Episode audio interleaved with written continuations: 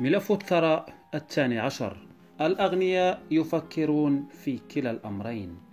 الفقراء يفكرون في إما هذا أو ذاك. إن الأغنياء يعيشون في عالم من الوفرة والفقراء يعيشون في عالم من الحدود. بالطبع يعيش كلاهما في نفس العالم المادي لكن الفارق يكمن في نظرتهم للأمور. فمنظور الفقراء وأبناء الطبقة الوسطى يأتي من القلة أو الندرة. إنهم يعيشون بشعارات مثل ليست هناك إلا فرص قليلة. لن يكون هناك ما يكفي أبدا. لا يمكنك أن تنال كل شيء. على الرغم من أنك ربما لا تستطيع أن تنال كل شيء بمعنى كل ما يوجد في العالم إلا أنني أعتقد أنك تستطيع بالتأكيد أن تنال كل ما تريده حقا. هل تريد مستقبلا مهنيا ناجحا أم علاقة جيدة بعائلتك؟ أريد كلا الأمرين هل تريد أن تركز على العمل أم على المرح واللعب؟ أريد كلا الأمرين هل تريد المال أم تريد أن تكون لحياتك معنى؟ أريد كلا الأمرين هل تريد أن تحصل على ثروة أم تريد أن تمارس العمل الذي تحبه؟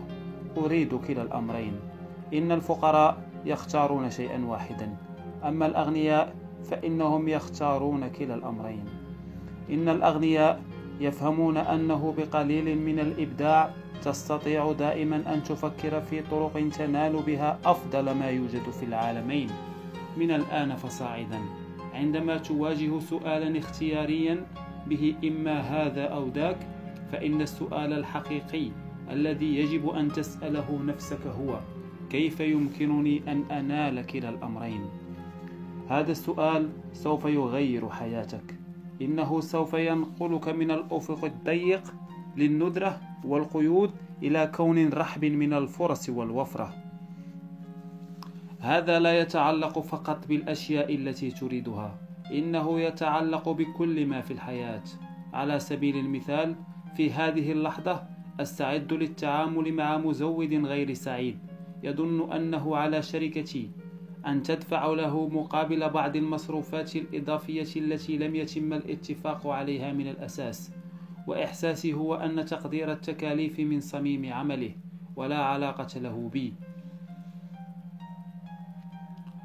ولا علاقة لي به وأنه إذا كان قد تكبد مصروفات إضافية فإن ذلك أمر عليه هو أن يتعامل معه وأنا على استعداد تام أن أناقش معه اتفاقا جديدا من أجل المرات القادمة لكنني متمسك بالاتفاق الذي أبرمناه من البداية. ولو حدث ذلك عندما كنت مفلسا كنت سأدخل في مناقشة الهدف منها أن أوضح وجهة نظري وأن أتأكد أن لا أدفع له قرشا واحدا فوق ما كنا قد اتفقنا عليه. ومع أنني كنت لا أرغب في أن أحتفظ به كمزود فإن ذلك الموقف كان من المرجح أن ينتهي بخلاف حاد. وكنت سأظل أفكر في أنه إما أن يفوز هو وإما أن أفوز أنا. واليوم ولأنني قد دربت نفسي على التفكير في كيفية أن أنال كلا الأمرين فإنني سوف أدخل تلك المناقشة وذهني متفتح تماما إلى خلق موقف أستطيع من خلاله ألا أدفع له أي أموال إضافية. وفي نفس الوقت أجعله سعيدا للغاية بالاتفاق الذي نصل إليه بكلمات أخرى إن هدفي هو أن أنال الأمرين. وهناك مثال آخر. منذ عدة شهور قررت أن أشتري منزلا في ولاية إريزونا من أجل قضاء الإجازات. أخذت أتفقد المنطقة التي كنت أهتم بالعثور على منزل فيها.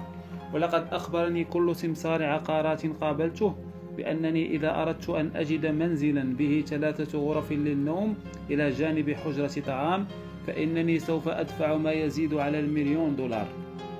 كانت نيتي أن أبقي ما يجب أن أدفعه في هذا المنزل تحت حاجز المليون دولار.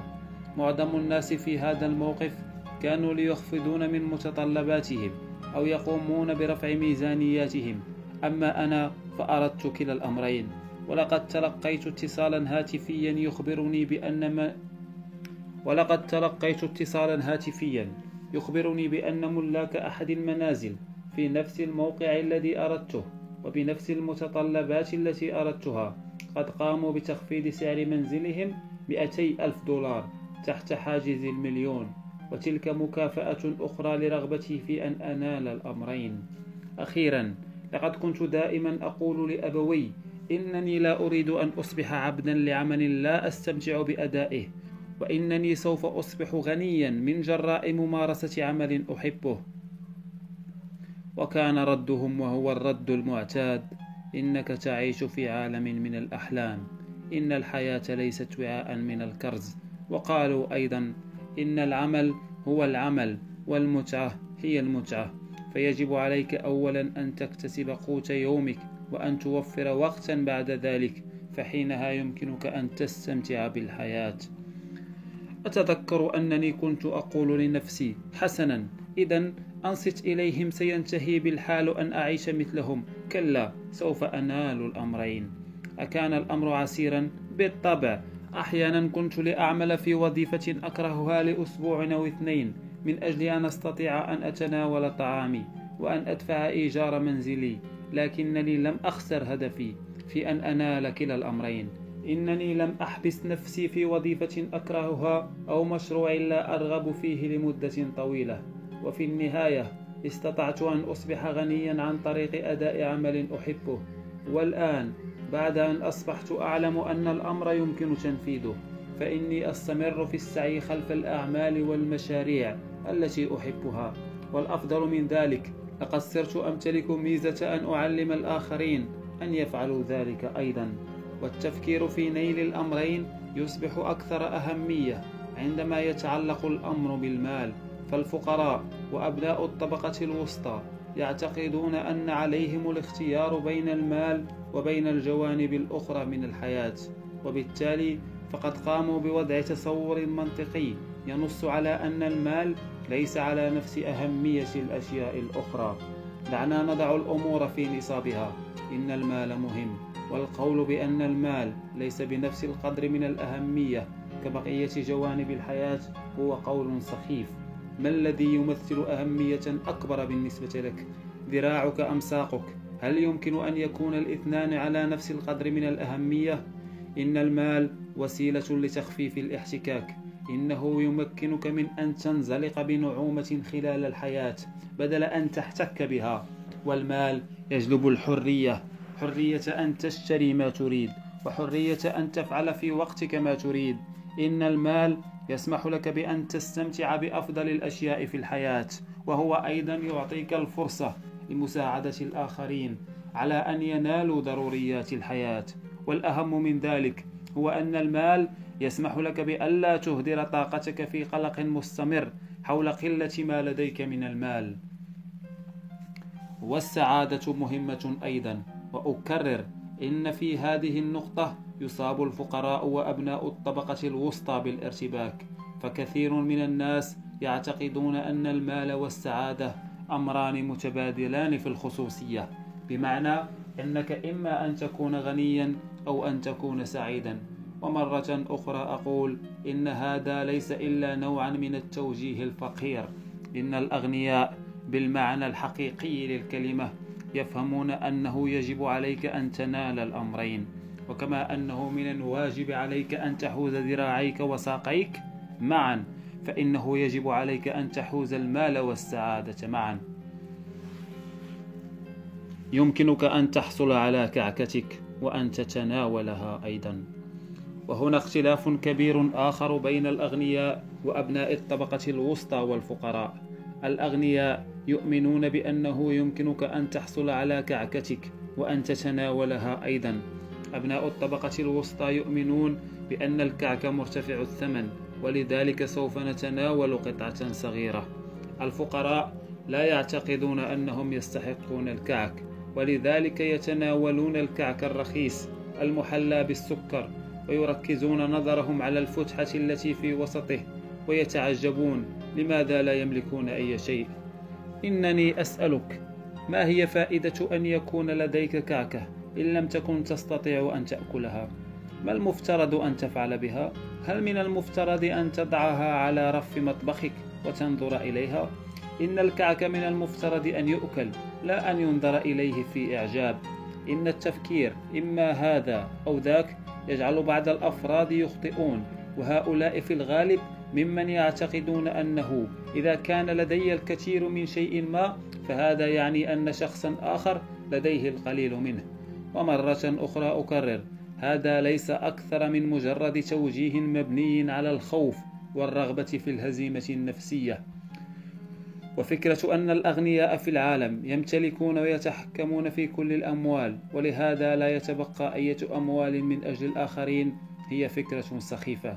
أولا هذا الاعتقاد يفترض أن هناك كمية محدودة من المال وأنا لست من رجال الاقتصاد لكن مما أراه في حياتي أجزم بأنهم يستمرون في طباعة الأموال كل يوم وأن كمية المال الحقيقية لم تعد ترتبط بالأصول الحقيقية منذ عقود.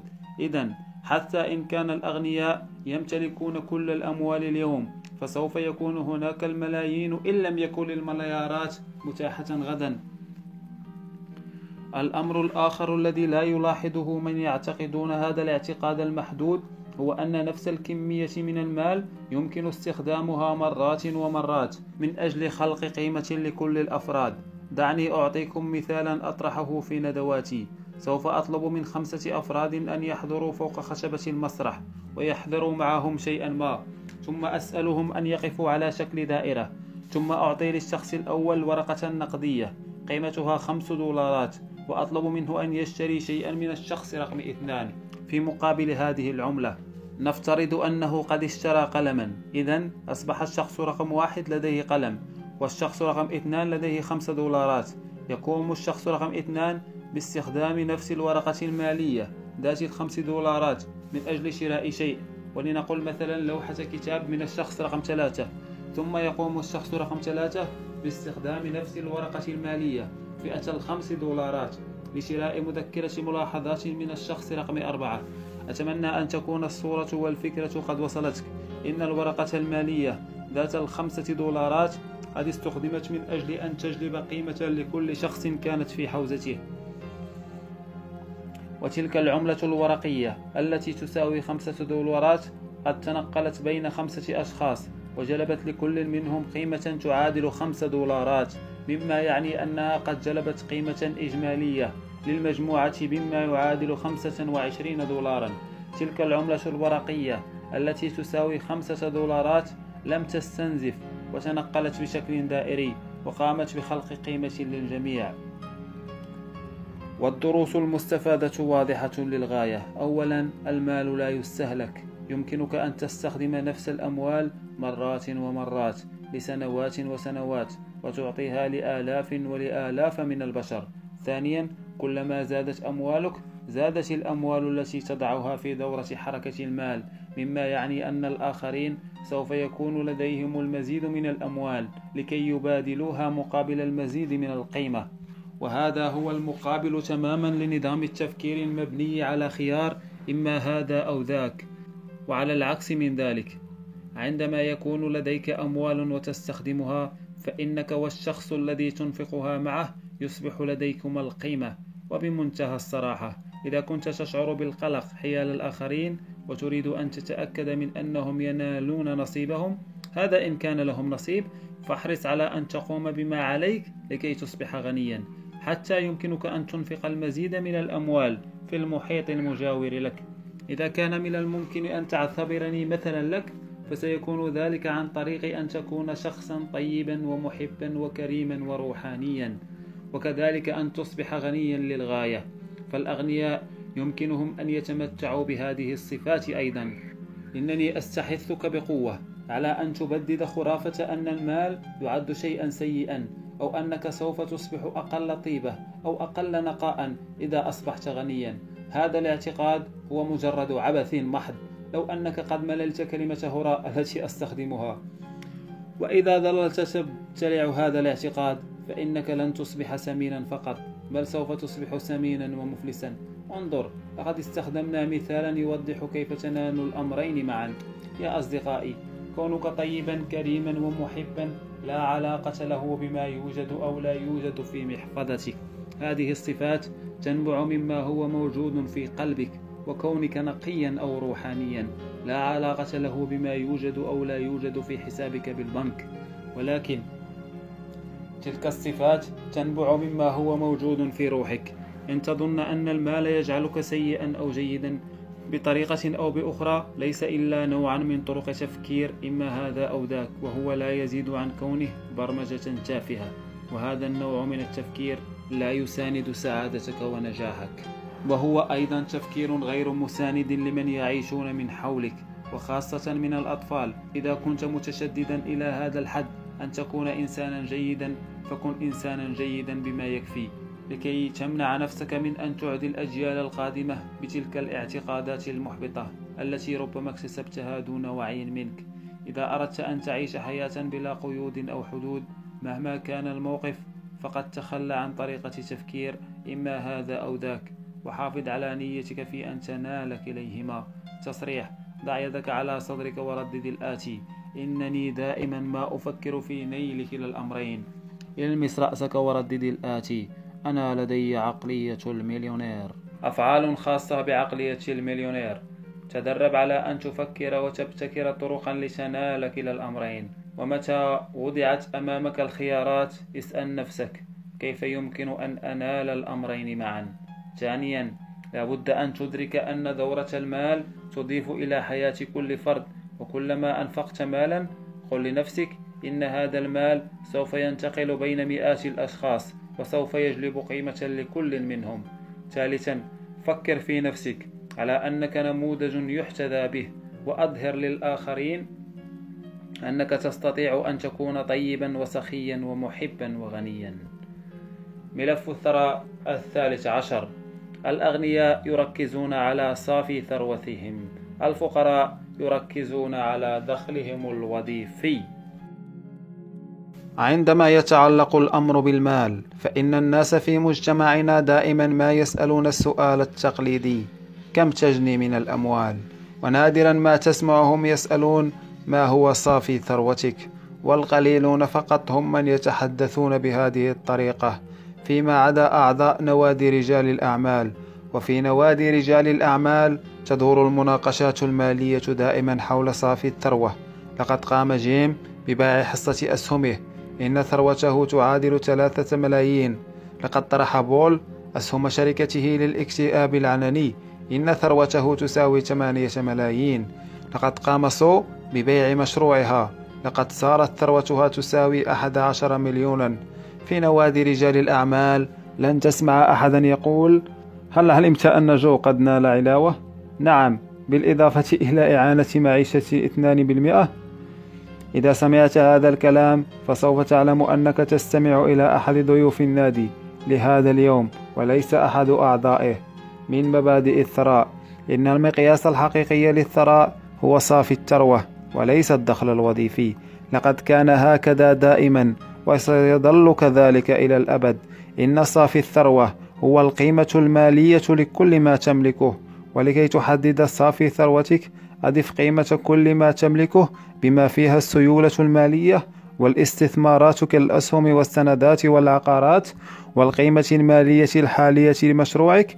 إذا كنت تملك واحدا وقيمة منزلك إذا كنت تملك واحدا ثم اطرح بعد ذلك كل الديون المستحقة عليك. إن صافي الثروة هو المقياس النهائي للثراء لأنه عند الضرورة يمكنك تحويل كل ما تملك إلى سيولة مالية. إن الأغنياء يفهمون الفارق الكبير بين الدخل الوظيفي وصافي الثروة. إن الدخل الوظيفي له أهميته لكنه لا يمثل إلا عاملا واحدا من أربعة عوامل تحدد صافي ثروتك وتلك العوامل الأربعة هي الدخل المدخرات الاستثمارات التبسيط. إن الأغنياء يفهمون أن بناء صافي ربح ضخم هو معادلة تشمل تلك العوامل الأربعة لأن كل تلك العوامل ضرورية ولذلك دعنا نفحص كل واحد منهم على حدة. إن الدخل يأتي على شكلين دخل وظيفي ودخل سلبي. الدخل الوظيفي هو كمية الأموال التي تكتسبها من نشاط تقوم به. وهذا يشمل شيكات القبض من عمل يومي وبالنسبة لصاحب مشروع هو المكسب أو الدخل الذي يجلبه لذلك المشروع. والدخل الوظيفي يتطلب أن تقوم باستثمار وقتك الشخصي وعملك لكي تكسب أموالا. إن الدخل الوظيفي له أهميته لأنه بدونه يصبح من شبه المستحيل أن تتعامل مع العوامل الثلاث الأخرى لصافي الثروة. والدخل الوظيفي هو ما نستخدمه لملء أوعيتنا المالية إذا جاز هذا التعبير. وبما أن كل الأمور تتساوى فكلما زاد دخلك الوظيفي استطعت أن تدخر وأن تستثمر. وعلى الرغم من أن الدخل الوظيفي هو أمر ضروري إلا أن قيمته لا تتعدى كونه جزءا من المعادلة الكلية لصافي الربح. لسوء الحظ يقوم الفقراء وأبناء الطبقة المتوسطة بالتركيز على الدخل الوظيفي بشكل خاص. من بين العوامل الأربعة وبالتالي ينتهي بهم الأمر بصافي ثروة منخفض أو لا شيء على الإطلاق. الدخل السلبي هو كمية الأموال المكتسبة بدون أداء أي نشاط عملي. سوف نناقش الدخل السلبي بتفصيل أكبر لاحقا.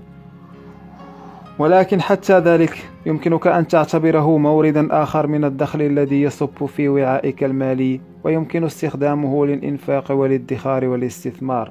والادخار أيضا له أهميته. يمكنك أن تكسب كميات ضخمة من المال لكن إن لم تحتفظ بأي منها فإنك لن تحقق الثراء أبدا. والكثير من الناس لديهم مخطط مالي غريب فيما يتعلق بالإنفاق. ومهما كان حجم المال الذي يملكونه فإنهم ينفقونه. إنهم يختارون الإشباع اللحظي على التوازن طويل المدى وللمبذرين ثلاثة إشعارات. الشعار الأول إنها مجرد أموال ولذلك فالأموال هي شيء لا يمتلكون الكثير منه. والشعار الثاني هو ما يذهب بسهولة يأتي بسهولة أو على الأقل هذا ما يتمنونه لأن شعارهم الثالث هو آسف لا أستطيع ذلك لقد صرت مفلسا. بدون تحقيق الدخل لكي تملأ وعاءك المالي وبدون الادخار لكي تحتفظ به هناك فإنك من المستحيل أن تصل إلى العامل الثاني من عوامل صافي الثروة. وما أن تبدأ في ادخار نسبة محترمة من دخلك حتى يصبح بإمكانك أن تتحرك للمرحلة القادمة وأن تجعل أموالك تنمو من خلال الاستثمار. وبشكل عام كلما زاد ادخارك زادت سرعة نمو أموالك وسرعة حصولك على صافي ثروة ضخم الأغنياء يستخدمون وقتهم وطاقتهم لكي يتعلموا كيف يستثمرون أموالهم وما هو الاستثمار بشكل عام. وهم يتفاخرون بأنهم مستثمرون بارعون أو على الأقل يستأجرون مستثمرين بارعين لكي يستثمروا أموالهم من أجلهم. أما الفقراء فيعتقدون أن الاستثمار هو شيء يخص الأغنياء فقط ولذلك لا يتعلمون شيئا عنه ويبقون في حالة إفلاس. ومرة أخرى أكرر إن كل جزء من أجزاء المعادلة له أهميته والعامل الرابع من عوامل صافي الثروة يمكن أن نطلق عليه لقب الحصان الأسود لهذه المجموعة من العوامل لأن قليلا من الناس فقط يدركون أهميته في تحقيق الثروة وهذا العامل هو التبسيط وهو يسير جنبا إلى جنب مع عامل ادخار المال حيث تقوم وأنت في وعي تام بوضع أسلوب حياة تستطيع من خلاله أن تحتاج إلى كمية أقل من المال لكي تعيش بها وبتخفيض تكاليف معيشتك. تستطيع أن تزيد من حجم ادخارك ومن كمية المال المتاحة للاستثمار ولتوضيح أهمية التبسيط. إليكم قصة أحد المشتركين في منتدى عقلية المليونير. عندما كانت سو تبلغ من العمر 23 سنة اتخذت قرارا حكيما. قامت بشراء منزل. دفعت فيه مبلغا لم يتجاوز 300 ألف دولار في ذلك الوقت. بعد سبع سنوات عندما ارتفعت أسعار العقارات بشكل جنوني قامت سو ببيع منزلها بمبلغ تعدى 600 ألف دولار بمعنى أنها قد ربحت 300 ألف دولار. فكرت في أن تشتري منزلا جديدا. ولكن بعد أن حضرت منتدى عقلية المليونير المكتف أدركت أنها إذا استثمرت أموالها في رهن عقاري آخر بنسبة فائدة 10% وقامت بتبسيط أسلوب حياتها فإنها تستطيع أن تعيش حياة مريحة على العائد المكتسب من استثمارها ولا تضطر للعمل مرة أخرى بدلا من أن تشتري منزلا جديدا. انتقلت سو للعيش مع أختها والآن بعد أن أصبحت في الثلاثين من عمرها استطاعت سو أن تصل إلى الحرية المالية. لقد فازت باستقلالها المالي ليس عن طريق كسب أضنان من المال ولكن عن طريق التخفيض الذكي لمصروفاتها الشخصية.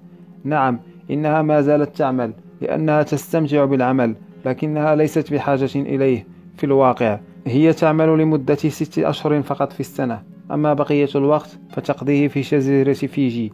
أولا لأنها تحب تلك الجزيرة وثانيا وكما قالت هي إن أموالها تصل إلى تلك الجزيرة ولأنها تعيش بين السكان المحليين وليس بين السائحين. فهي لا تنفق كثيرا من المال. كما تعرف من الناس ممن قد يحبون أن يقضوا ستة أشهر من كل سنة فوق جزيرة مدارية المناخ ولا يضطرون إلى العمل أبدا وكل ذلك وعمرهم لم يتجاوز الثلاثين. وماذا لو استمر ذلك حتى سن الأربعين أو الخمسين أو الستين أو إلى الأبد؟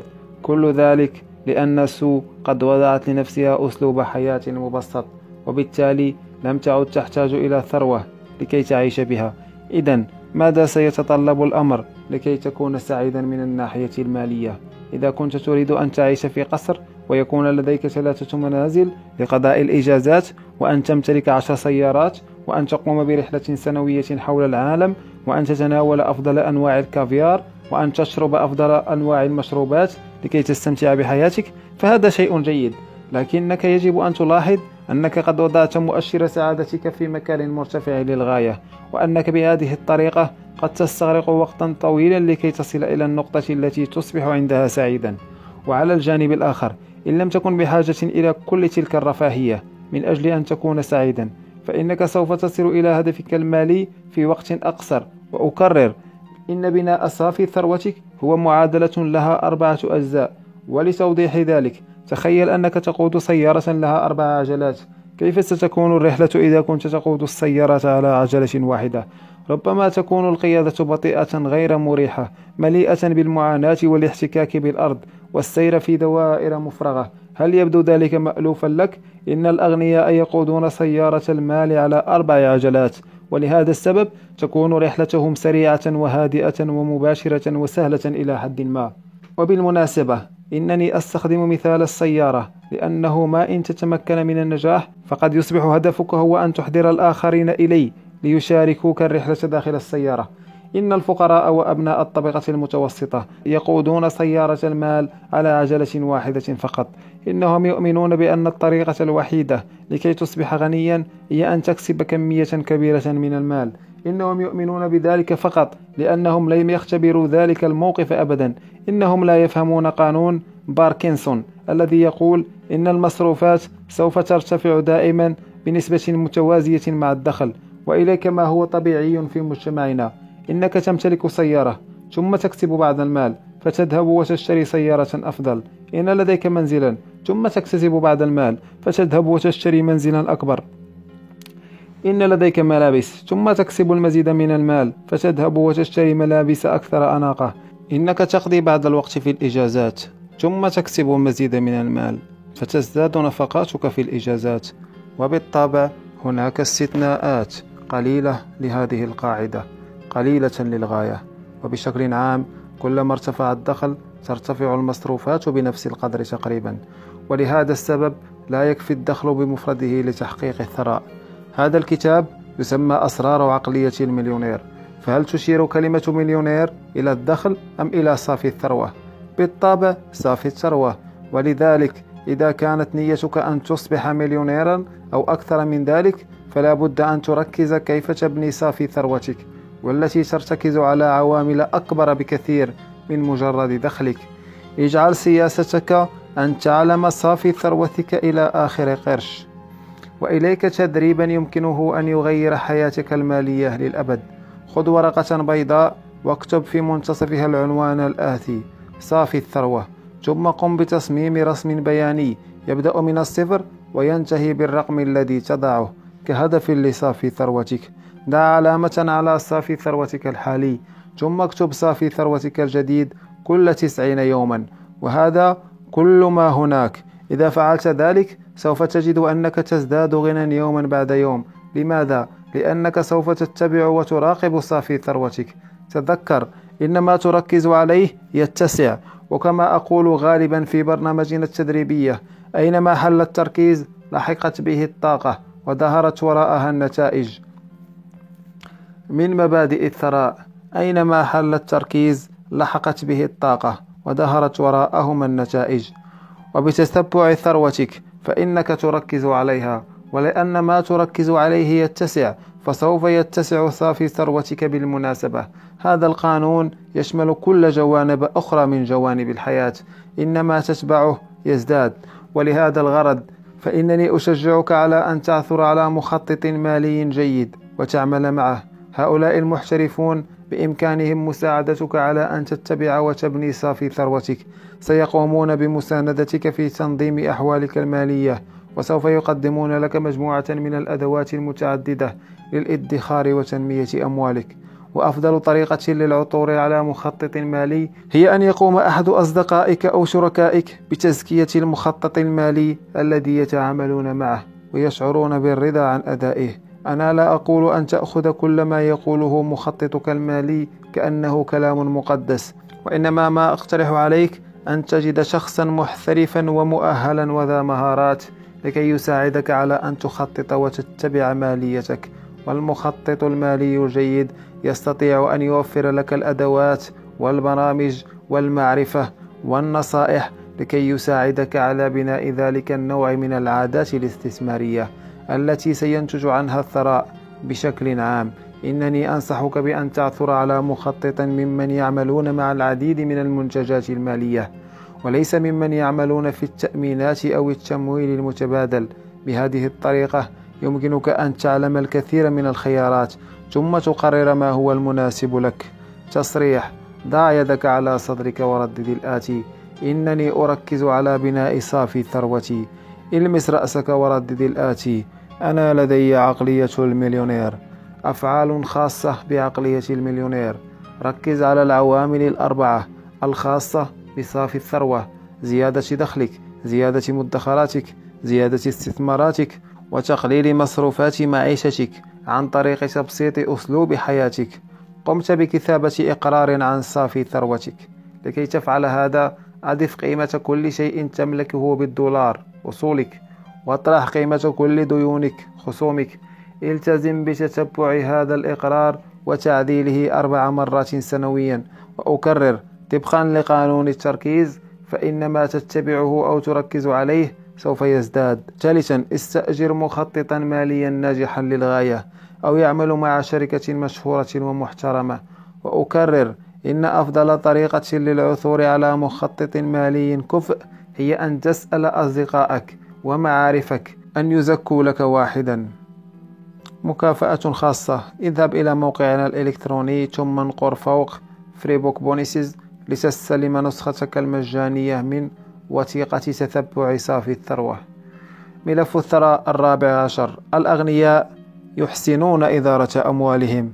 الفقراء يسيئون إدارة أموالهم. في كتابه The Millionaire Next Door المليونير في المنزل المجاور والذي حاز على جائزة أفضل الكتب مبيعا قام توماس ستانلي بعمل دراسة لأصحاب الملايين في قارة أمريكا الشمالية متحدثة عنهم وعن كيفية إدارة أموالهم وثرواتهم والنتائج التي خرج بها يمكن تلخيصها في جملة واحدة الأغنياء يجيدون إدارة أموالهم. إن الأغنياء يحسنون إدارة أموالهم. أما الفقراء فإنهم يسيئون إدارة أموالهم. إن الأغنياء ليسوا أكثر ذكاء من الفقراء. إن لديهم فقط عادات مالية مختلفة ومتفوقة. كما ناقشنا في الجزء الأول من هذا الكتاب فإن هذه العادات السيئة مبنية في الأساس على ذلك التوجيه الذي تعرضنا له في الماضي. ولذلك أولا إن لم تكن تدير أمورك بشكل سليم فمن المرجح أنك قد برمجت على ألا تدير أمورك بشكل سليم. ثانيا هناك احتمال كبير أنك لا تعرف كيف تدير أموالك بطريقة بسيطة وفعالة وأنا لا أستطيع التحدث نيابة عنك. ولكن عندما ذهبت إلى المدرسة لم تكن مادة إدارة الأموال من المواد التي تدرس في ذلك الوقت. بدلا من ذلك تعلمنا أحداث الحرب الأهلية التي دارت عام 1812 وكأن هذه المعلومات شيء سنستخدمه في كل يوم من أيام حياتنا. ربما لا تكون إدارة الأموال أحد الموضوعات الممتعة ولكن يمكن تلخيصه في الآتي. إن الفارق الوحيد والكبير بين النجاح المالي والفشل المالي هو كيفية إدار أموالك بنجاح. والأمر بسيط من أجل أن تسيطر على المال يجب أن تعرف كيف تدير هذا المال. والفقراء إما يسيئون إدارة أموالهم أو أنهم يتجنبون كل ما يتعلق بالمال بالكلية. الكثير من الناس لا يحبون إدارة أموالهم بسبب أولا أنهم يقولون إنها تحد من حريتهم وثانيا يقولون إنهم لا يمتلكون ما يكفي من المال لإدارته. وبالنسبة للعذر الأول فإن إدارة أموالك لا تحد من حريتك بل على العكس تماما. إنها تطور من تلك الحرية. إن إدارة أموالك تسمح لك بأن تصل إلى الحرية المالية حتى لا تضطر إلى العمل مرة أخرى. وبالنسبة لي هذه هي الحرية الحقيقية. أما بالنسبة لهؤلاء الذين يستخدمون منطق ليس لدي من المال ما يستحق الإدارة فإنهم لا ينظرون من خلال العدسة المناسبة للتلسكوب. فبدلا من القول عندما يكون لدي الكثير من المال سوف أبدأ في إدارته فإن الحقيقة هي عندما أبدأ في إدارة أموالي سوف يصبح لدي الكثير منها. والقول سوف أبدأ بإدارة أموالي بمجرد أن أحصل على الكثير منها هو أشبه ما يكون برجل مفرط في البدانة يقول سوف أبدأ في ممارسة التمرينات الرياضية واتباع حمية خاصة بمجرد أن أفقد عشرين رطلا من وزني. إن ذلك مثل وضع العربة أمام الحصان. مما يجعلنا نقف في مكاننا أو تقودنا إلى الوراء. أولا يجب أن تبدأ في إدارة ما لديك من أموال. ثم يصبح لديك بعد ذلك الكثير من الأموال لتديرها وفي المنتدى المكثف لعقلية المليونير أقص على الناس قصة يكون وقع سماعها عليهم مثل الصدمة. تخيل أنك تسير فوق رصيف الشارع ومعك طفلك الذي يبلغ من العمر خمس سنوات. تمران أمام محل بيع المثلجات وتدخلان إلى الداخل. تحضر لطفلك قطعة واحدة من المثلجات موضوعة في قمع من البسكويت. لأن المحل ليس به أبواب وبينما تمشيان إلى الخارج تلاحظ أن القمع يهتز في يد طفلك الصغير. وفجأة تسقط قطعة المثلجات من القمع وتقع على الرصيف. يبدأ طفلك في البكاء فتعود إلى داخل المحل مرة أخرى. وقبل أن تشتري له قطعة مثلجات مرة أخرى يلاحظ طفلك وجود لافتة إعلانية. عليها صورة قمع من البسكويت به ثلاث قطع من المثلجات. يشير الطفل بيده إلى الصورة بحماس ويصرخ قائلا أريد هذا. والآن إليك هذا السؤال. بما أنك الشخص الطيب المحب والسخي وأنا واثق من أنك كذلك هل تذهب وتشتري لطفلك ذلك القمع الذي به ثلاث قطع من المثلجات؟ ربما يكون ردك الأول هو بالتأكيد ولكن عندما يفكرون بالسؤال بشكل أكثر عمقا فإن معظم المشتركين في المنتدى يستجيبون قائلين كلا لأنه ما الداعي لأن تضع طفلك في موقف مؤكد الفشل. إن الطفل لم يستطع أن يسيطر على قطعة واحدة من المثلجات. فكيف يعقل أن يستطيع السيطرة على ثلاث قطع من المثلجات؟ والحديث ذاته يصبح صحيحا فيما يتعلق بعلاقتك مع الكون. إننا نعيش في كون محب وعطوف والقاعدة هي كالآتي إن لم تظهر قدرتك على التحكم فيما لديك فإنك لن تحصل على المزيد منه. من مبادئ الثراء إن لم تظهر قدرتك على التحكم فيما لديك فإنك لن تحصل على المزيد منه. يجب أن تكسب عادات ومهارات إدارة كمية صغيرة من المال قبل أن تستطيع الحصول على كمية كبيرة من المال. تذكر نحن مخلوقات تحكمها العادة ولذلك فإن عادة إدارة أموالك هي أكثر أهمية من كمية تلك الأموال. من مبادئ الثراء إن عادة إدارة أموالك هي أكثر أهمية من كمية تلك الأموال. إذا كيف تقوم بإدارة أموالك بالتحديد؟ في المنتدى المكثف لعقلية المليونير نقوم بتدريس ما يعتقد الكثيرون أنه منهج فعال وبسيط ورائع لإدارة الأموال ولن يتسع هذا الكتاب لشرح تفاصيل ذلك المنهج. ولكن دعوني أعطيكم بعضا من الأساسيات. أنشئ حسابا جديدا في البنك واطلق عليه حساب الحرية المالية. ضع عشرة بالمئة من كل دولار تكسبه بعد خصم الضرائب في ذلك الحساب. هذه الأموال يجب ألا تستخدم إلا في الاستثمارات أو شراء خلق موارد للدخل السلبي ووظيفة هذا الحساب وأن يقدم لك إوزة ذهبية. تضع لك بيضا ذهبيا يسمى الدخل السلبي. ومتى يكون الوقت المناسب لإنفاق تلك الأموال؟ أبدا. إنها لن تنفق أبدا. وإنما تستثمر فقط. وفي النهاية عندما تتقاعد يصبح بإمكانك أن تنفق العائد من ذلك الحساب البيض الذهبي. ولكن لا تنفق رأس المال أبدا. وبهذه الطريقة سوف يستمر المال في النمو ولن تتعرض للإفلاس أبدا. أخبرتني إحدى تلميذاتي وتدعى إيما بقصتها في وقت قريب. منذ سنتين كادت إيما أن تشهر إفلاسها. لم تكن تريد ذلك ولكن كانت تشعر بأنه لم يعد لديها أي خيارات. كانت غارقة في الديون بأكثر مما تستطيع أن تتحمل. ثم حضرت إلى المنتدى المكثف لعقلية المليونير وعلمت بشأن برنامج إدارة الأموال. قالت إيما هذا هو الحل؟ هذه هي الطريقة التي سأخرج بها من الورطة.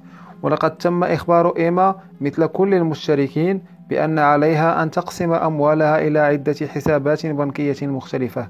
قالت إيما لنفسها هذا عظيم للغاية رغم أنني ليس لدي أي أموال لأقسمها ولكن لأنها أرادت أن تجرب فقد قررت إيما أن تقسم دولارا واحدا كل شهر بين عدة حسابات. نعم هذا صحيح مجرد دولار واحد شهريا. طبقا لنظام الحصص الذي نقوم بتدريسه وباستخدام ذلك الدولار الواحد قامت بوضع عشر سنتات في حساب الحرية المالية. وأول ما قالته لنفسها هو بالله كيف سأصبح حرة ماليا على أساس عشر سنتات شهريا؟ ولذلك التزمت بأن تضاعف ذلك الدولار كل شهر. في الشهر التالي قامت بتقسيم دولارين. وفي الشهر الثالث قامت بتقسيم أربعة دولارات ثم ثمانية دولارات فمئة وستين دولارا ثم ستمائة وأربعين وهكذا حتى جاء الشهر الثاني عشر فقامت بتقسيم ألفين وثمانية وأربعين دولارا وصار هذا هو الرقم الذي تقوم بتقسيمه كل شهر. وبعد مرور سنتين بدأت تجني ثمار مجهوداتها. لقد أصبحت قادرة على أن تضع مبالغ قد تصل إلى عشرة آلاف دولار بشكل مباشر في حساب حريتها المالية. لقد قامت بتطوير عادات إدارة أموالها بنجاح إلى درجة أنه وصلها شيك إضافي بمبلغ عشرة آلاف دولار. كانت تعلم أنها لا تحتاج المال إلا لذلك. لقد تخلصت إيما من ديونها تماما وهي في طريقها إلى أن تصبح حرة ماليا. وكل هذا بسبب أنها قد قامت بفعل على أساس ما تعلمته حتى ولو كان كل ما تملكه هو دولارا واحدا. لا يهم إن كان معك الآن ثروة أو ليس معك أي شيء على الإطلاق. إن المهم هو أن تبدأ في الحال في إدارة ما تملكه وسوف تصاب بالدهشة من السرعة التي سيأتيك بها المزيد. لقد كان لدي تلميذ آخر في المنتدى المكثف لعقلية المليونير. وكان يقول كيف يمكنني أن أدير أموالي؟ إذا كنت أستدين من أجل الطعام والشراب. والإجابة هي استدن دولارا إضافيا وقم بإدارته حتى إذا كنت تستدين أو تجد معك القليل من الدولارات كل شهر.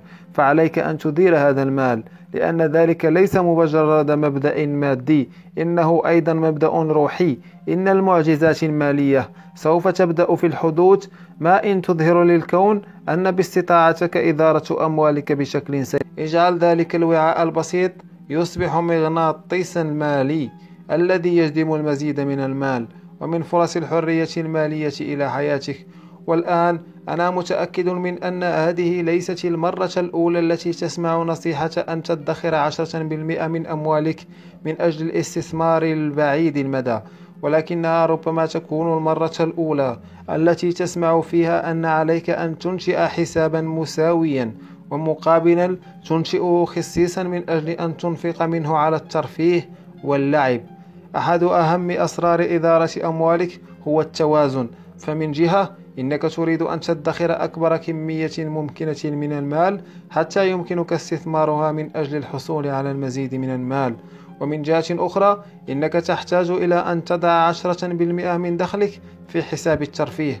لكن لماذا؟ لأننا مخلوقات شمولية بطبيعتنا ولا يمكنك أن تؤثر في جانب من جوانب حياتك دون أن تؤثر في الجوانب الأخرى. فالناس يدخرون ويدخرون وبينما جانبهم المنطقي والمسؤول يشعر بالرضا فإن روحهم الداخلية ليست كذلك. وفي النهاية سوف يقول ذلك الجانب الروحي التواق إلى المرح لقد ضقت ذرعا بهذا الإهمال. إنني أيضا أستحق بعض الاهتمام ثم يقوم بتخريب تلك النتائج التي حصل عليها. وعلى الجانب الآخر إذا صرت تنفق وتنفق فإنك لن تصبح غنيا أبدا. وكذلك فإن الجانب المسؤول منك سوف يقوم في النهاية بخلق موقف تصبح فيه غير قادر على الاستمتاع بالأشياء التي تنفق مالك من أجلها. وسينتهي بك الحال إلى الشعور بالذنب. وسوف يدفعك الشعور بالذنب إلى أن تنفق بشكل أكبر كطريقة للتعبير عن مشاعرك. وعلى الرغم من أنك قد تشعر بتحسن مؤقت إلا أنك سرعان ما تعود إلى الشعور بالذنب والخجل. إنها دائرة مغلقة. والطريقة الوحيدة لمنع حدوث ذلك هي عن طريق أن تتعلم كيف تدير أموالك بطريقة ناجحة. إن حسابك المخصص للترفيه يستخدم بشكل أولي من أجل أن تغذي نفسك بأن تفعل أشياء لا تقوم بها في الأحوال العادية. إنه من أجل الأشياء الغير العادية كأن تذهب إلى مطعم فاخر وتتناول أشهى المأكولات والمشروبات أو أن تؤجر قاربا ليوم واحد أو أن تحجز غرفة لليلة واحدة في أفخم الفنادق من أجل الاستمتاع والمرح. والقاعدة التي تحكم حساب الترفيه هي أن لا بد أن ينفق بالكامل كل شهر. عليك أن تقوم كل شهر بإنفاق كل ما يوجد في هذا الحساب. بطريقة تجعلك تحس أنك غني. على سبيل المثال تخيل نفسك داخل نادي رياضي للتدليك واضعا كل المال الذي معك عند خزينة الدفع. مشيرا إلى المدلكين قائلا أريد اثنين منكم أن يدلكا جسدي بشكل متميز وأريد حماما ساخنا وخيارا من أجل التجاعيد وبعد ذلك أحضر إلى طعام الماء. وبعد ذلك أحضر لي طعام الغداء. كما قلت أشياء غير عادية. إن الطريقة الوحيدة التي إن الطريقة الوحيدة التي ستجعل معظمنا يستطيعون الاستمرار في خطط ادخارنا هي بالتعويض عنها بخطة ترفيه تكافئ بها أنفسنا على جهودنا. إن حسابك الترفيهي مخصص أيضا من أجل تقوية عضلات استقبالك وهو أيضا يجعل عملية إدارة أموالك أكثر مرحا. بالإضافة إلى حساب الحرية المالية والحساب الترفيهي فإنني أنصحك بأن تنشئ أربع حسابات أخرى. والحسابات الأخرى تشمل وضع عشرة في المئة داخل حساب المدخرات طويلة المدى من أجل الإنفاق عشرة في المئة داخل حساب التعليم خمسون في المئة داخل حساب الضروريات عشرة في المئة داخل حساب العطاء.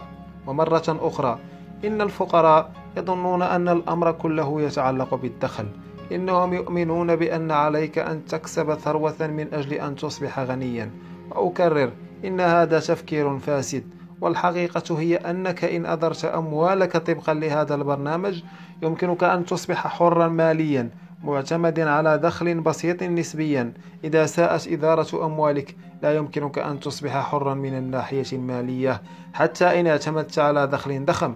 ولهذا السبب تجد الكثير من المحترفين أصحاب الدخول المرتفعة من الأطباء والمحامين والرياضيين وحتى المحاسبين مفلسين لأن الموضوع لا يتعلق فقط بالمال الداخل إليك وإنما بما تفعله بهذا الدخل القادم إليك. أخبرني أحد المشتركين بالمنتدى ويدعى جون بأنه عندما سمع ببرنامج إدارة الأموال حدث نفسه قائلا ما هذا الملل؟ لماذا يضيع أحدهم وقته الثمين في ذلك؟ ثم أدرك فيما بعد في أثناء حضوره المنتدى أنه إذا أراد أن يصبح حرا من الناحية المالية يوما ما وخاصة في وقت قصير فإن عليه هو الآخر أن يدير أمواله تماما كما يفعل الأغنياء. اضطر جون إلى تعلم تلك العادات الجديدة لأنها لم تكن بالتأكيد من طبيعته. قال إن الأمر يذكره بالوقت عندما كان يتعلم المسابقات الثلاثية. لقد كان متفوقا في السباحة وركوب الدراجات لكنه كان يكره الجري. لقد كان الجري يؤذي قدميه وركبتيه وظهره. لقد كان يشعر بالتيبس في كل تمرين. لقد كانت أنفاسه تنقطع وكان يشعر برئتيه تحترقان كل مرة حتى إن لم يعد بسرعة كبيرة. لقد اعتاد أن يخاف الجري. لكنه يعلم أنه إذا أراد أن يصبح رياضيا متفوقا فإن عليه أن يتعلم كيف يجري وأن يتقبل الجري كجزء من متطلبات النجاح. وبينما كان جون يتحاشى الجري في الماضي فقد قرر الآن أن يجري كل يوم. وبعد عدة أشهر بدأ يستمتع بالجري وأصبح يتطلع إلى الجري كل يوم. وهذا تماما ما حدث لجون في مجال إدارة الأموال. لقد بدأ بكراهية كل لحظة منه. لكنه صار يحبه في النهاية. لقد صار الآن يتطلع للحصول على مرتبه ثم يقوم بتقسيمه بين عدة حسابات بنكية. إنه أيضا يستمتع بمراقبة كيف نما صافي ثروته من صفر إلى أكثر من 300 ألف دولار وما زال ينمو كل يوم. يمكن اختصار الأمر في الكلمات التالية. إما أن تسيطر على مالك أو سيسيطر عليك ولكي تسيطر على المال يجب عليك أن تديره من مبادئ الثراء إما أن تسيطر على المال أو سيسيطر عليك المال. أحب أن أستمع إلى المتخرجين من حلقاتنا التدريسية وهم يقصون علينا كيف يشعرون بمنتهى الثقة وهم يتعاملون مع المال والنجاح ومع أنفسهم. بعد أن بدأوا في إدارة أموالهم بشكل سليم والجيد في ذلك هو أن تلك الثقة قد انتقلت إلى جوانب حياتهم الأخرى وقامت بتحسين سعادتهم وعلاقتهم بالآخرين وحتى صحتهم. إن المال يعد جزءا كبيرا من حياتك وعندما تتعلم كيف تبقى ماليتك تحت السيطرة فإن كل جوانب حياتك سوف تنتعش تصريح ضع يدك على صدرك وردد الآتي إنني أدير أموالي بشكل متميز. إلمس رأسك وردد الآتي أنا لدي عقلية المليونير. أفعال خاصة بعقلية المليونير. أنشئ حساب حريتك المالية. بأحد البنوك ضع عشرة بالمئة من دخلك بعد خصم الضرائب. داخل ذلك الحساب هذه الأموال لا يجب أن تنفق أبدا وإنما تستثمر فقط من أجل إنتاج دخل سلبي لتقاعدك. ضع وعاء للحرية المالية داخل منزلك. وضع به بعض المال كل يوم. قد تضع عشر دولارات أو خمس دولارات أو دولارا واحدا أو ستا واحدا أو كل الفكة التي بحوزتك.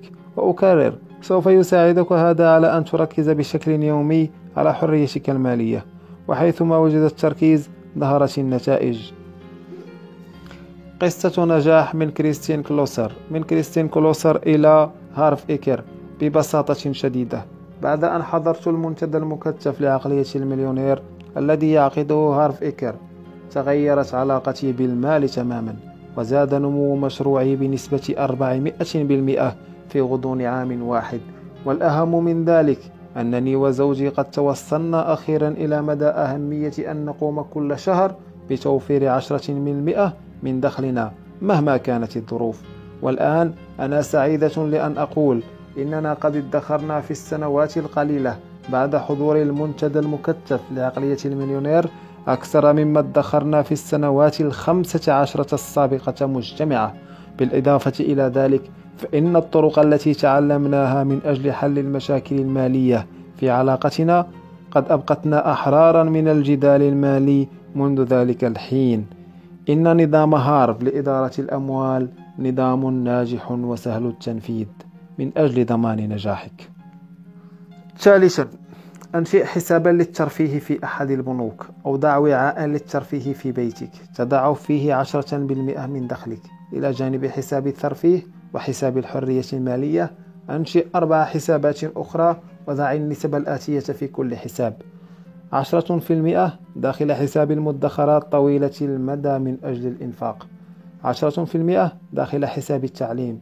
خمسون في المئة داخل حساب الضروريات. عشرة في المئة داخل حساب العطاء. مهما كانت الأموال التي بحوزتك ابدأ في إدارتها الآن. لا تنتظر يوما آخر. حتى إن كان معك دولار واحد فقم بإدارة ذلك الدولار. خذ عشرة سنتات وضعها في وعاء الحرية المالية. وعشر سنتات وضعها في وعاء الترفيه. وهذا التصرف بمفرده. سوف يرسل رسالة إلى الكون بأنك مستعد لمزيد من الأموال. وإذا كنت تستطيع أن تدير المزيد من الأموال فافعل. ملف الثراء الخامس عشر. الأغنياء يتركون أموالهم تعمل بجد من أجلهم. الفقراء يعملون بجد من أجل أموالهم. إذا كنت مثل معظم الناس فإنك قد كبرت وأنت مبرمج على أنك يجب أن تعمل جاهدا من أجل المال. والاحتمال الأكبر أنك لم تكبر وأنت مبرمج أنه لمن الأهمية أن تجعل أموالك تعمل بجد من أجلك. وليس هناك شك في أن العمل الجاد أمر مهم ولكن العمل الجاد فقط لن يجعلك غنيا. كيف نعلم ذلك؟ ألق نظرة على العالم الواقعي. هناك الملايين بل قل المليارات من الناس يستعبدون أنفسهم ويعملون بمنتهى الجد طوال النهار وأحيانا طوال الليل أيضا. هل كلهم أغنياء؟ كلا. هل معظمهم أغنياء؟ هل الكثير منهم أغنياء؟ كلا.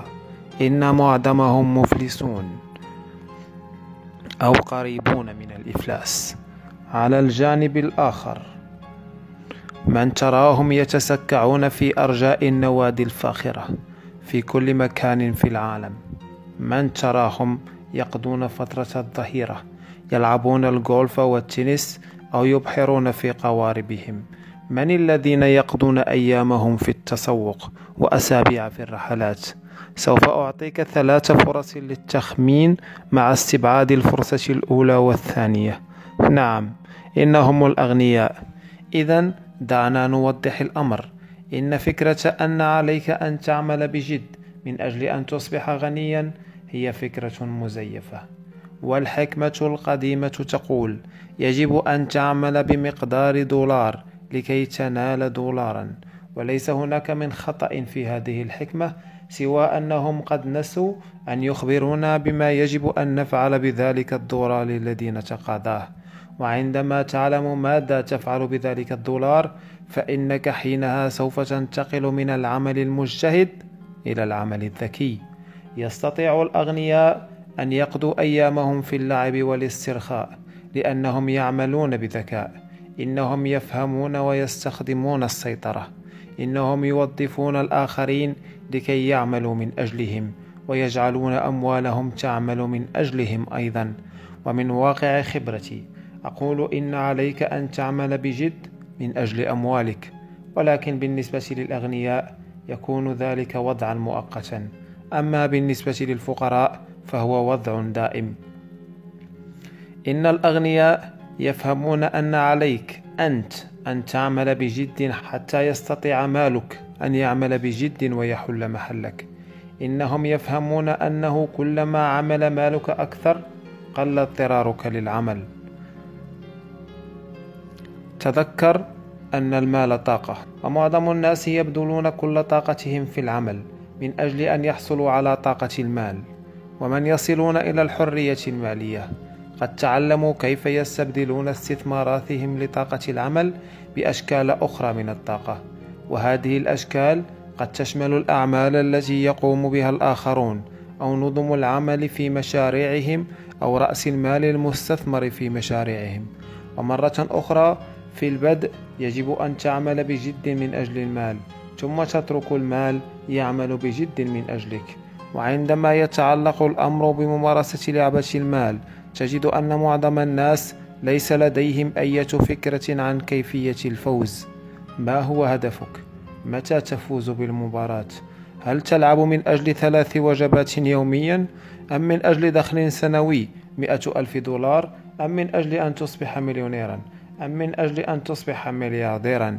وفي المنتدى المكثف لعقلية المليونير يكون هدف لعبة المال التي ندرسها هو ألا تحتاج إلى أن تعمل مرة أخرى إلا إذا اخترت أنت ذلك.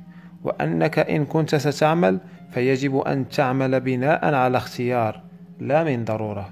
في كلمات أخرى إن الهدف هو أن تصبح حرا من الناحية المالية بأسرع ما يمكن إن تعريفي للحرية المالية بسيط وهو القدرة على أن تعيش بأسلوب الحياة الذي ترغبه دون أن تضطر إلى العمل أو إلى أن تعتمد على أموال شخص آخر. لاحظ أن هناك احتمالا كبيرا أن أسلوب الحياة الذي ترغبه سوف يكلفك الكثير من المال، ولذلك من أجل أن تصبح حرا سوف تحتاج إلى أن تكسب المال دون أن تعمل.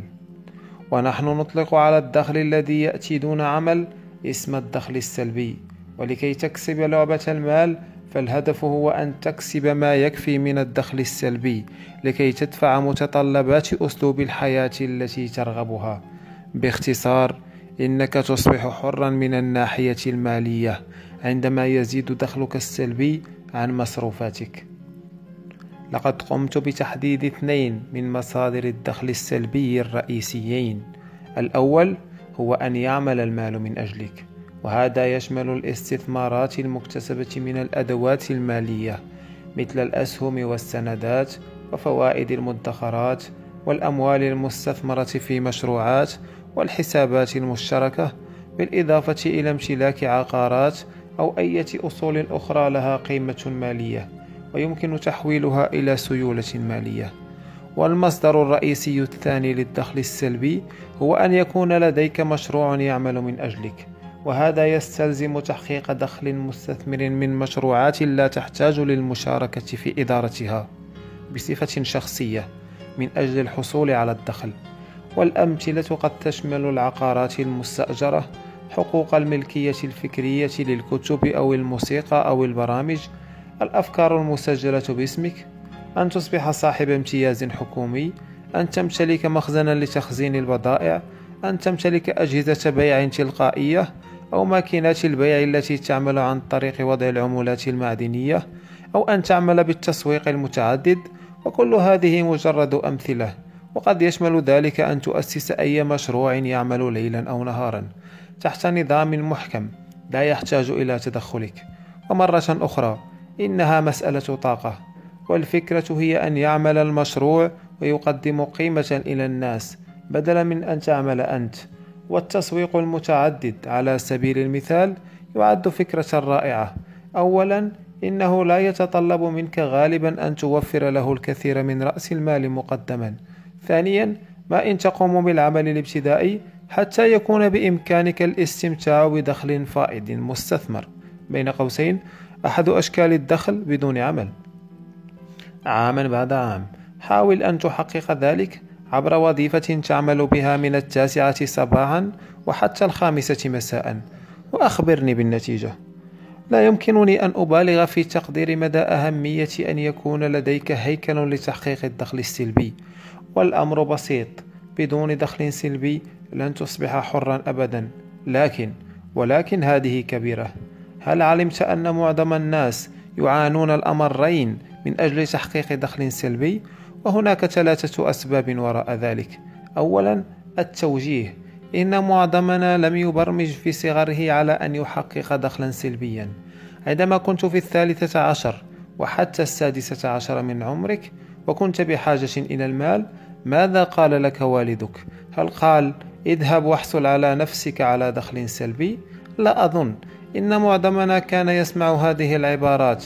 اذهب إلى العمل أو اذهب واحصل على وظيفة أو شيئا مشابها لذلك. لقد علمونا أن نعمل من أجل المال جاعلين من الحصول على دخل سلبي شيئا غير طبيعي بالنسبة لمعظمنا ثانيا معظمنا لم يتعلم أبدا كيف يحصل على دخل سلبي. وفي مدرستي لم يقدم لنا أحد المبادئ العامة للحصول على دخل وبدلا من ذلك علمونا الأعمال الخشبية والأعمال المعدنية. بين قوسين لاحظ أن كليهما يستلزم القيام بعمل لكي أتعلم كيف أصنع حاملا للشموع أهديه لأمي. وبما أننا لم نتعلم هيكلية تحقيق الدخل السلبي في المدرسة فلا بد أننا تعلمناه في مكان آخر. أليس كذلك؟ لا أظن. إن المحصلة النهائية هي أن الكثير منا لا يعلمون شيئا عنه ولذلك لا يقومون بالكثير بشأنه. أخيرا بما أننا لم نتعرض للدخل السلبي ولم نتعلم شيئا عنه فإننا لم نوله الاهتمام اللازم لقد أسسنا حياتنا المهنية واختياراتنا التجارية على منهجية خلق الدخل الوظيفي ولو كنت قد فهمت منذ صغرك أن أحد أهم الأهداف المالية هو أن تحقق دخلا سلبيا هل كنت ستتخذ نفس تلك الخيارات المهنية؟ إنني دائما ما أنصح هؤلاء الذين يختارون أو يغيرون مهنهم أو مشروعاتهم أن يعثروا على اتجاه يمكنهم عن طريقه تحقيق موارد طبيعية وسهلة من الدخل السلبي ولهذا أهميته وخاصة هذه الأيام لأن الكثير من الناس يعملون في مشروعات خدمية تتطلب وجودهم الشخصي من أجل تحقيق المال وليس هناك خطأ في العمل بالمشروعات الخدمية الخاصة سوى أنه سيكون عليك أن تحقق نجاحا استثماريا سريعا وغير عادي وإلا ستقع في فخ العمل إلى الأبد. وباختيارك لفرص العمل التي تضر دخلا سلبيا حاليا أو مستقبليا. سوف تحصل على خير الأمرين دخل وظيفي الآن ودخل سلبي لاحقا. ويمكنك الرجوع عدة فقرات إلى الوراء لكي تلقي نظرة على خيارات تحقيق الدخل السلبي التي ناقشناها. وللأسف كل واحد منا تقريبا لديه مخطط مالي متماش مع تحقيق الدخل الوظيفي ومتعارض مع تحقيق الدخل السلبي. وهذا الموقف سوف يتغير بالكامل بعد أن تحضر المنتدى المكثف لعقلية المليونير حيث نقوم باستخدام طرق تجريبية بتغيير مخططك المالي حتى يصبح تحقيق الدخل السلبي شيئا طبيعيا وعاديا بالنسبة لك. إن الأغنياء يفكرون على مستوى بعيد المدى إنهم يوازون بين نفقاتهم الخاصة بالترفيه والاستمتاع اليوم وبين الاستثمارات التي تضمن لهم الحرية المالية في الغد. أما الفقراء فيفكرون بشكل قصير المدى إنهم يديرون حياتهم بناء على رغبتهم في الإشباع الفوري. إن الفقراء يستخدمون أعذارا مثل كيف يمكنني أن أفكر في المستقبل وأنا لا أجد ما يكفيني في الحاضر؟ والمشكلة هي أن المستقبل سوف يصبح في يوم ما هو الحاضر وإذا لم تستطع أن تحل مشاكل الحاضر فسوف ينتهي بك الحال إلى أن تكون نفس القول في المستقبل أيضا. ولكي تزيد من ثروتك إما أن تكسب أكثر أو أن تعيش بمصروفات أقل. إنني لا أرى شخصا يصوب مسدسا إلى رأسك ويجبرك على أن تختار حجم المنزل الذي تعيش به ولا نوع السيارة التي يجب أن تركبها ولا الملابس التي يجب أن ترتديها ولا الطعام الذي يجب أن تأكله. إن لديك القوة لتختار ذلك بنفسك. إنها فقط مسألة أولويات فالفقراء يختارون الحاضر فقط.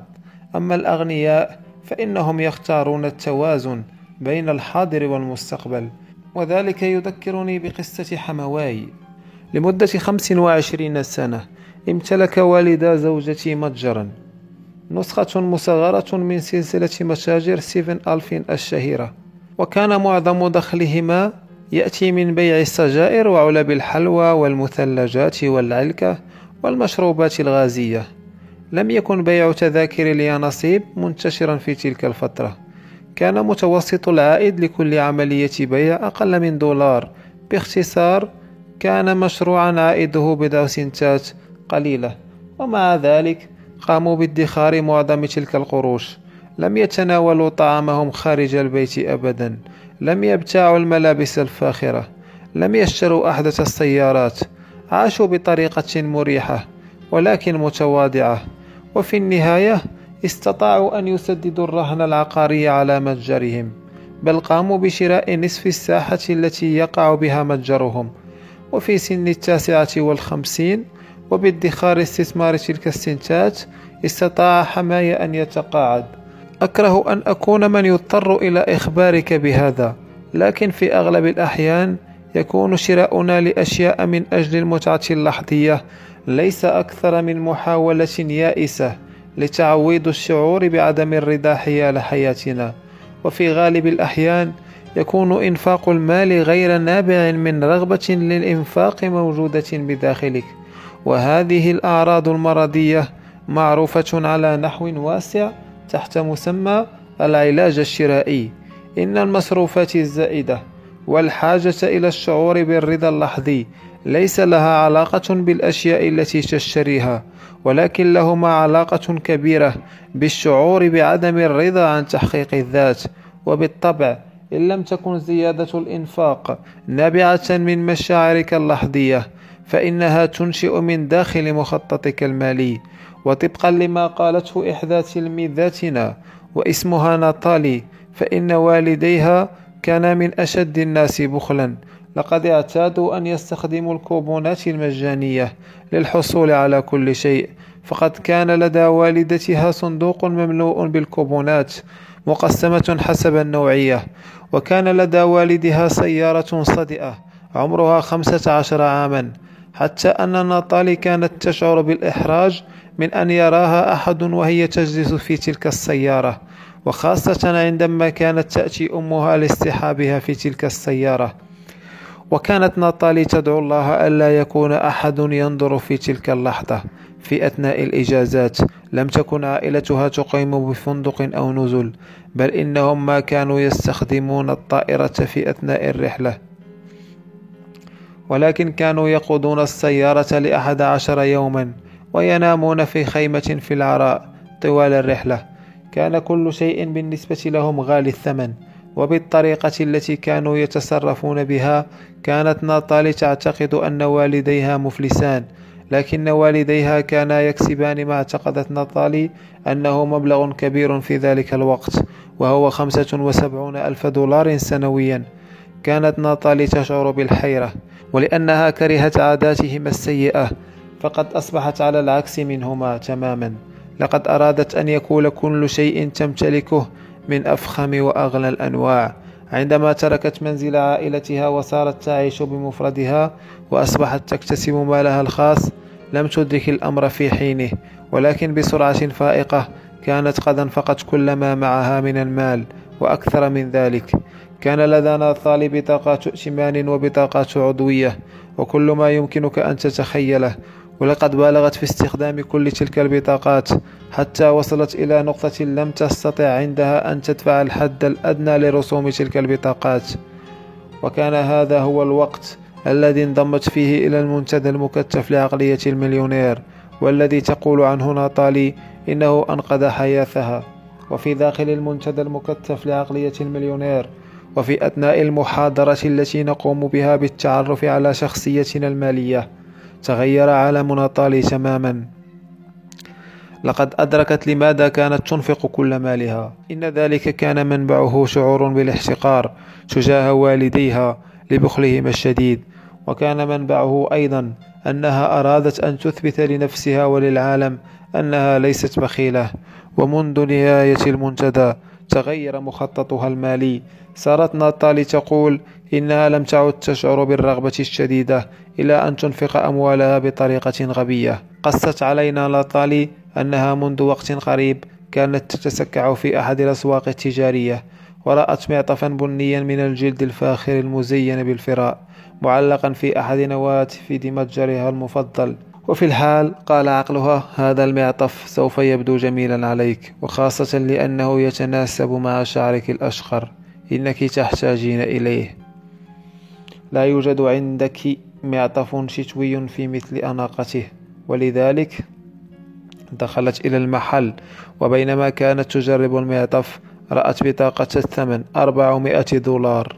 إنها لم تدفع ثمنا كهذا في أي معطف اشترته من قبل. قال عقلها وما المشكلة؟ إن المعطف يبدو رائعا عليك.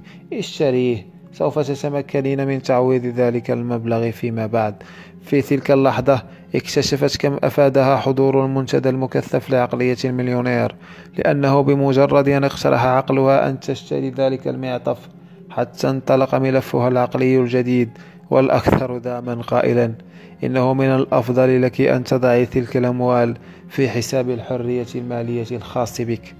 ولماذا تحتاجين ذلك المعطف من الأساس؟ إن لديك بالفعل معطف شتوي ما زال جيدا حتى الآن. وقبل أن تدرك ما حدث كانت تعلق المعطف مرة أخرى فوق الحامل حتى تشتريه في اليوم التالي بدلا من أن تشتريه في نفس اللحظة كعادتها. إنها لم ترجع مرة ثانية لتشتري ذلك المعطف. لقد أدركت ناتالي أن ملفاتها العقلية الخاصة بالإشباع المادي قد تم استبدالها بملفات خاصة بالحرية المالية. إنها لم تعد مبرمجة على إنفاق المال بعد ذلك. إنها الآن تعلم أنه من الجيد أن تأخذ أفضل ما تعلمته من نموذج والديها وأن تدخر المال. وفي نفس الوقت أن تقدم إلى نفسها بعض الأشياء الجميلة عن طريق حساب الترفيه الخاص بها. قامت ناتالي بعد ذلك بإرسال والديها إلى المنتدى حتى يمكنهما أن يكونا أكثر توازنا مثلها وهي في قمة السعادة بأن تخبرنا أن والديها يقيمان في أثناء الإجازة في نزل لم يصلوا إلى مرحلة الفنادق بعد بين قوسين وأنهما قد اشتريا سيارة جديدة وأنهما بعد أن تعلما كيف يجعلان أموالهما تعمل من أجلهما قد تقاعدا وهم من أصحاب الملايين. إننا الثالي تفهم الآن أنه ليس عليها أن تصبح في بخل والديها من أجل أن تصبح من أصحاب الملايين. وهي تعلم أيضا أنها إذا أنفقت أموالها دون وعي كما كانت تفعل من قبل فإنها لن تصبح حرة من الناحية المالية أبدا. قالت ناتالي إنه شعون رائع أن تكون أموالي وعقلي تحت السيطرة. ومرة أخرى إن الفكرة هي أن تجعل أموالك تعمل بجد من أجلك. كما تفعل أنت من أجلها. وهذا يعني أن عليك أن تدخر وتستثمر بدلا من أن تكون مهمتك في الحياة أن تنفق المال كله. والأمر يشبه المزحة. إن الأغنياء لديهم الكثير من المال وينفقون القليل بينما الفقراء لديهم القليل من المال وينفقون الكثير منه. المدى الطويل في مقابل المدى القصير. الفقراء يعملون لكي يكتسبوا أموالا يعيشون بها اليوم والأغنياء يعملون لكي يكتسبوا أموالا يستخدمونها في استثماراتهم والتي سوف تشتري لهم مستقبلا. الأغنياء يشترون الأصول وهي أشياء من المرجح أن تزيد قيمتها. أما الفقراء فيشترون النفقات وهي أشياء سوف تقل قيمتها بالتأكيد. الأغنياء يجمعون الأراضي بينما الفقراء يجمعون الفواتير. سوف أخبركم بنفس الأشياء التي أخبر بها أولادي. اشتروا العقارات. إنه من الأفضل أن تشتروا العقارات التي يمكن أن توفر تدفقا في السيولة. ولكن بالنسبة لي شخصيا فإن أي عقار هو أفضل من لا شيء.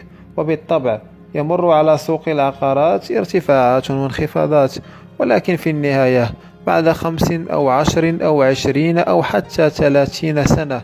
من الآن يمكنك أن تتأكد من أن ذلك العقار سوف يساوي أكثر بكثير من ثمنه الآن وقد يكون ذلك العقار هو كل ما تحتاجه لكي تصبح غنيا. اشتري كل ما يمكنك أن تتحمل ثمنه الآن. وإذا احتجت إلى المزيد من المال لكي تدخل سوق العقارات فإمكانك أن تشارك بعض الناس ممن تعرفهم جيدا وتثق بهم والطريقة الوحيدة التي قد تسبب لك المتاعب في سوق العقارات هي أن تحمل نفسك ما لا تطيق من الأعباء أو أن تبيع عقارات في حالة ركود السوق. إذا اتبعت نصيحتي السابقة وأدرت أموالك بشكل مناسب فإن احتمالات حدوث ذلك سوف تتضاءل أو تنتهي وكما يقول المثل السائد لا تنتظر قبل أن تشتري العقارات وإنما اشتري العقارات ثم انتظر. وبما أنني قد أعطيتكم مثالا سابقا يتعلق بحماوي فإنني أظن أنه من العدل أن أعطيكم مثالا آخر يتعلق بأبوي. لم يكن والداي فقيرين لكنهما كانا بالكاد ينتميان إلى أبناء الطبقة المتوسطة. كان أبي يعمل باجتهاد شديد ولم تكن أمي في حالة صحية جيدة ولذلك بقيت في البيت لتعتني بالأطفال. كان أبي نجارا ولقد لاحظ أن كل مقاولي البناء الذين يوظفونه كانوا يقومون بتطوير بعض الأراضي التي اشتروها عاما بعد عام. ولقد لاحظ أيضا أنهم جميعا أغنياء إلى حد معقول ولقد قام والدي أيضا بادخار السنتات القليلة. وأخيرا استطاع شراء قطعة أرضية. مساحتها ثلاثة أفدنة. تبعد عشرين ميلا عن المدينة التي كانوا يعيشون فيها. كلفهما ذلك ستين ألف دولار. بعد عشر سنوات قرر أحد رجال الأعمال بناء سوق تجاري فوق قطعة الأرض التي يمتلكها والدي. باع والدي قطعة الأرض مقابل 600 ألف دولار.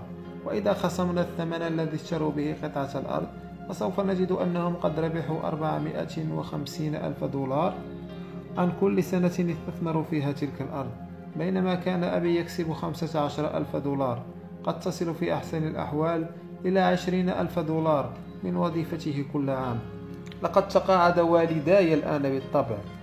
وهما يعيشان حياة مريحة ولكني أؤكد لكم أنه لولا شراء قطعة الأرض هذه وبيعها لظل والداي يعيشان حياة متقشفة.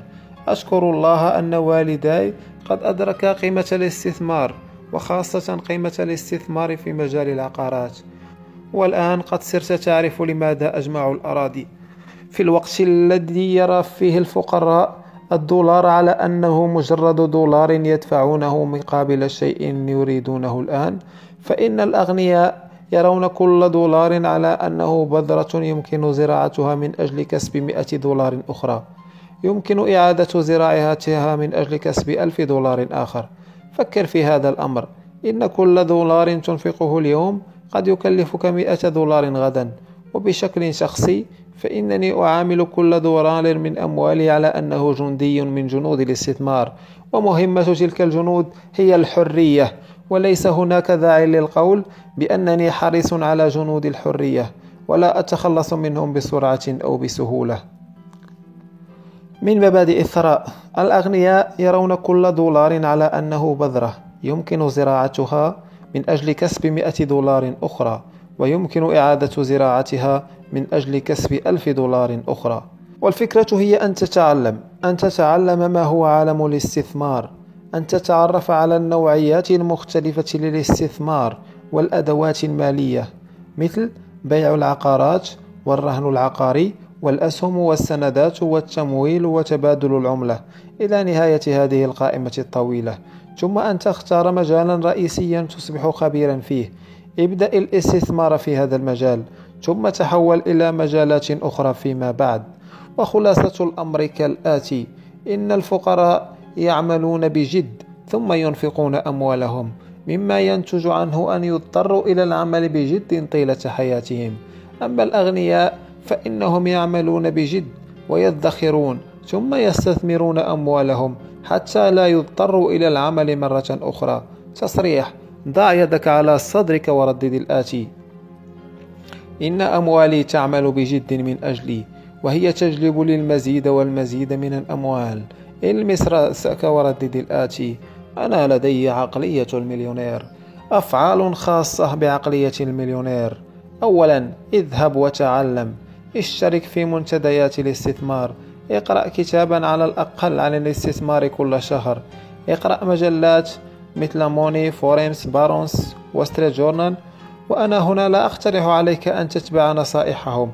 وإنما أقترح عليك أن تتعرف على الخيارات المالية المطروحة هناك ثم أن تختار مجالا تصبح خبيرا فيه ثم تستثمر أموالك في هذا المجال. ثانيا عليك أن تغير تركيزك من الدخل النشيط إلى الدخل السلبي. أعد قائمة لثلاث استراتيجيات على الأقل يمكنك عن طريقها أن توجد لنفسك دخلا بدون عمل.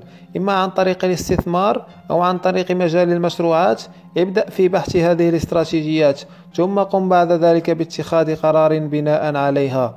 ثالثا لا تنتظر من أجل أن تشتري العقارات. اشتري العقارات ثم انتظر.